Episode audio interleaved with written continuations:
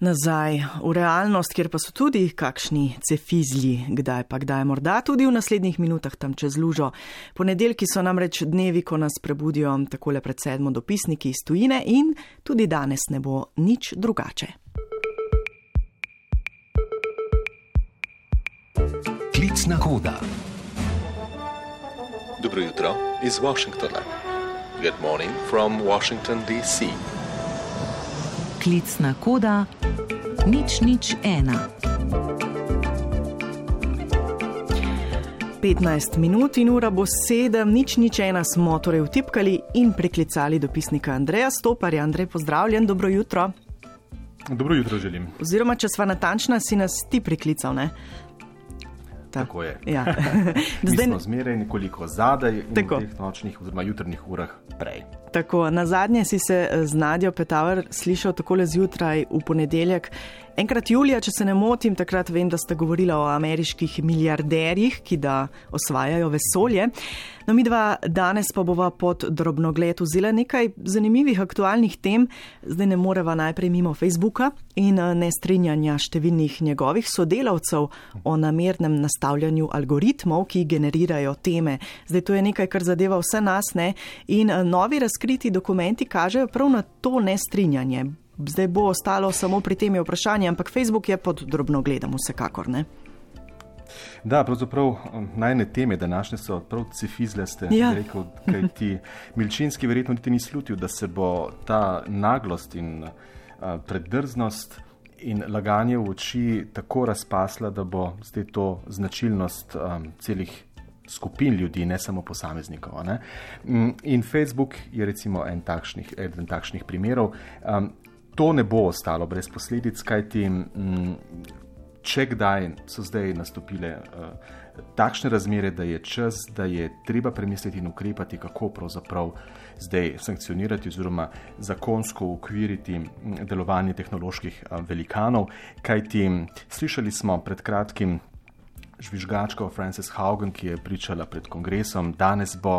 Uh, Haugnova pri, pri, priča, pričala pred britanskim parlamentom In da, kaže, da seveda se je Facebook um, je v spredje postavil dobiček in namenoma um, nastavil algoritme tako, da generirajo ljudem teme, ki jih privlačijo, ki jih razburjajo, zaradi katerih ostajajo dlje časa na, na omrežju, torej na spletu. Um, in to so pa teme, ki niso ravno sadjarstvo in vrtnarstvo in uh, humanitarne teme, ampak je, je to, kar, kar, bi, kar pač rečemo, da je temna stran človeškega značaja. In tako se seveda generira nasilje, sovražni govor in vse, kar pravzaprav je pripeljalo do sveta takšnega, kakršnega živimo danes. In nekaj bo tukaj treba, uh, treba urediti, kajti uh, Facebook je to vedel in namenoma generiral stvari. Uh, recimo 6. januar, kapitolsko tako imenovano, vstajo mhm. tudi. Ja, in zdaj njegovih nekaj sodelavcev očitno ne, je o tem spregovorilo. Da, ljudje se pravzaprav ne strinjajo s tem, oziroma so vse čas um, razpravljali znotraj um, družbe med sabo na svojih sestankih, nekateri dolgo molčali, um, se grizli in pač počeli nekaj, kar ni v skladu z njihovo uh, etiko, recimo temu. No, zdaj pa tega ne morejo početi več. Vse takšno je sporočilo. Mm, ja, dolge roke imajo ti cefizli. No, in tudi naslednji uh, pod posebnim drobnogledom bo očitno Ameriški nacionalni inštitut za zdravje, ki da je oh. financiral raziskave koronavirusa netopirjev v laboratoriju v Wuhanu. Zdaj so nekateri odgovorni to tudi priznali. To je, to je velika tema, ki je tako potekala nekako latentno uh, v ozadju. Tu in tam so se mediji um, oglasili na to temo. Da, tukaj zgodba je bizarna, oziroma kar preveč na ključi bi bilo, če bi verjeli na način, kakršnega zdaj predstavljajo javnosti. Namreč zakaj gre?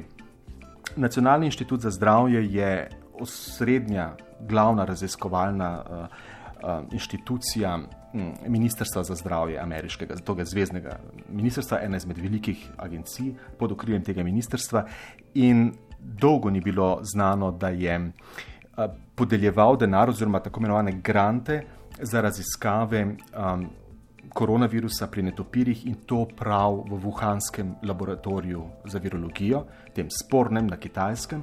Um, zdaj to skušajo razložiti tako, da pravzaprav niso, da ta raziskava ni sodila tako v tako imenovani razred raziskav gain of function, kar pomeni, da so to genetske raziskave, uh, ki uh, določene lastnosti virusa ali bakterije potencirajo. Recimo možnost prenosa, torej da je virus bolj nalezljiv ali da je m, mm, preprosto bolj smrtonosen. Um, tako da m, mm, pravijo, da pač ni šlo za to, šlo je pa seveda za netopirje, šlo je za koronaviruse, čeprav ne za SARS-ovo skupino, uh, ampak zdaj pač zdaj pač skušajo se nekako izogniti eh, iz tega, iz tega krča, kajti julija, julija letos je dr. Fauci, ki je bil eden od odgovornih za podeljevanje teh grantov, ne, skupaj z dr. Collinsom, ki je bil direktor inštituta in je še zmeraj in se zdaj upokojuje, in z nekdanjim namestnikom ministra, ministra za zdravje, ki je zdaj član republikanskega osebja, ki svetuje v kongresu pristojnemu odboru za znanost in tehnologijo. Ti trije so vedeli o tem največ. Ne? In ti trije so zdaj molčali, in, in ti trije zdaj bodo pač morali nekako pojasniti, zakaj, zakaj, -hmm. zakaj, zakaj so drugače klasificirali to raziskavo. In mislim pa, da javnost ne bo zadovoljna s temi ja. razlagami. So preoske, prepodrobne in preveč na ključi. Gre enak pri okus, ne glede na uh, smrt milijonov ljudi, ne samo v Združenih državah. Samo v ZDA 700 tisoč, mm -hmm. več kot 700 tisoč to, ne, to, to, to igranje ne, z znanostjo, torej igranje v okvirih znanosti z nekimi mejnimi področji, je, je zelo tvegano početje. Potencijalna bomba. Um, tudi podnebne spremembe so potencijalna bomba. V petek se bo začela podnebna konferenca v Glasgowu, tja pa seveda potuje tudi močna ameriška delegacija. Da, tudi predsednik Biden uh, potuje tja. Um, namreč podnebne spremembe so tema, ki so nekako srčika njegovega programa, že vse čas govori o tem. Um, in tudi največ težav ima pravzaprav z, prav z potrjevanjem zakonskih svežnjev, ki so sicer zelo široki, recimo tako imenovani svežen za uh, človeško infrastrukturo, ki pa seveda vsebuje tudi podnebni del, recimo temu. ZDA zdaj, oziroma Bidenova administracija zdaj skuša skozi s podnebnimi temami ali pa s razmišljanjem na podnebne spremembe, boj proti njim, oblažitev krize, ki jo prinašajo, prepojiti pravzaprav celotno svojo politiko. Kajti prejšnji teden, ko so posamezne pristojna ministrstva in agencije izdale svoje analize, svoj, vsak svojih zornih kotov na to temo, so nekako definirali, da so podnebne spremembe v tem trenutku največja grožnja nacionalne varnosti ZDA, da se bodo to grožnjo nacionalne varnosti, svoje nacionalne varnosti uh, soočile vse države, um, da je to tudi uh, stvar, ki izjemno zadeva zunanjo politiko in oblikovanje zunanje politike, obrambno politiko, obrambno doktrino. Um, tako da zdaj se ZDA zelo, zelo tune in bi rekli tukaj ne, na, na to temo, je pa treba to financirati. Mm. In če ta teden, zdaj ta teden je predvsej ključen spet um, za ameriški proračun, če se ne bodo dogovorili, predvsem demokrati v svojih vrstah in glasovali res v skladu s strankarsko disciplino, um, bo to šlo zelo težko skozi. In to bi bil pravzaprav pa velik tak, um, tako poleno pod noge no, um, predsedniku Bidenu, ki bi v Glasgowu rad predstavil ZDA kot vodilno silo na področju boja proti podnebnim spremembam v svetu, ne bo pa imel za sabo finančne podlage, s katero bi pravzaprav financiral vse te projekte. Mm. Mm, tako da to je velika tema tukaj. Um, bomo pa videli, kaj bo ta teden prinesel. Res uh, politična scena uh, ZDA ni samo polarizirana, je tudi že kar fragmentirana in temu je včasih kar težko slediti. Ja, kakšne teme ne, uh, so imela Eh, razvijanja za človeka in vazivnih virusov. Ja, da niso dolgočasile poslušalcev. ne, mislim, da ne, ampak težko bi, eh, če bi morali samo izbirati med vsemi tremi, kaj bi izbrali, ne, ali Facebook, ali invazivne viruse, ali podnebne spremembe, se človek. Vse nas ključno zadeva. Ja, tako. res je. Uh, deva eno spodbudnejšo za konec. Uh, kako kreativni bodo američani letos za noč čarovnic? Ja, to je spodbudno, kot gre za dan mrtvih. Ja, koncu, ampak vendarle. Na koncu vsi odidemo. Noč prej. Halloween, noč čarovnic, mm -hmm. tukaj je izjemno, izjemno priljubljen praznik.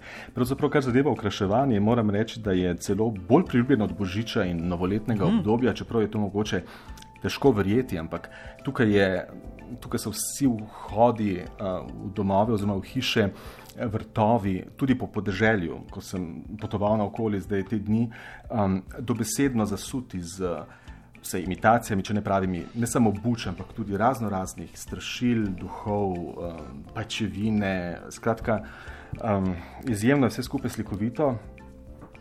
Ali je kičesto, kako želite. Um, tako da to je tukaj velik praznik, televizije imajo poseben program, vse posod vrtijo grozljivke.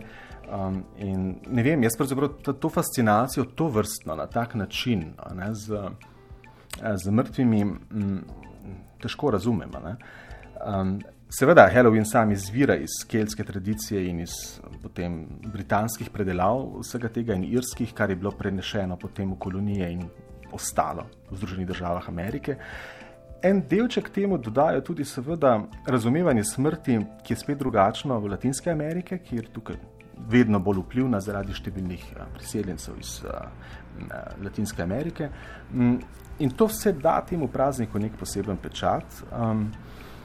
In to je pač eden, ena izmed priložnosti, ko ljudje sežejo tudi globijo denarnice, se našemijo in se zabavajo, koliko se pač v teh razmerah. Tako, lahko. Zabavati ne? in družiti, da. Mm, tako. Andrej Stopar, eh, najlepša hvala ti za tole javljanje, no vse zgodaj v klicno kodo, pa eh, lep začetek novega tedna. Ne? Tudi vam vse dobro in lepo se imejte, srečno.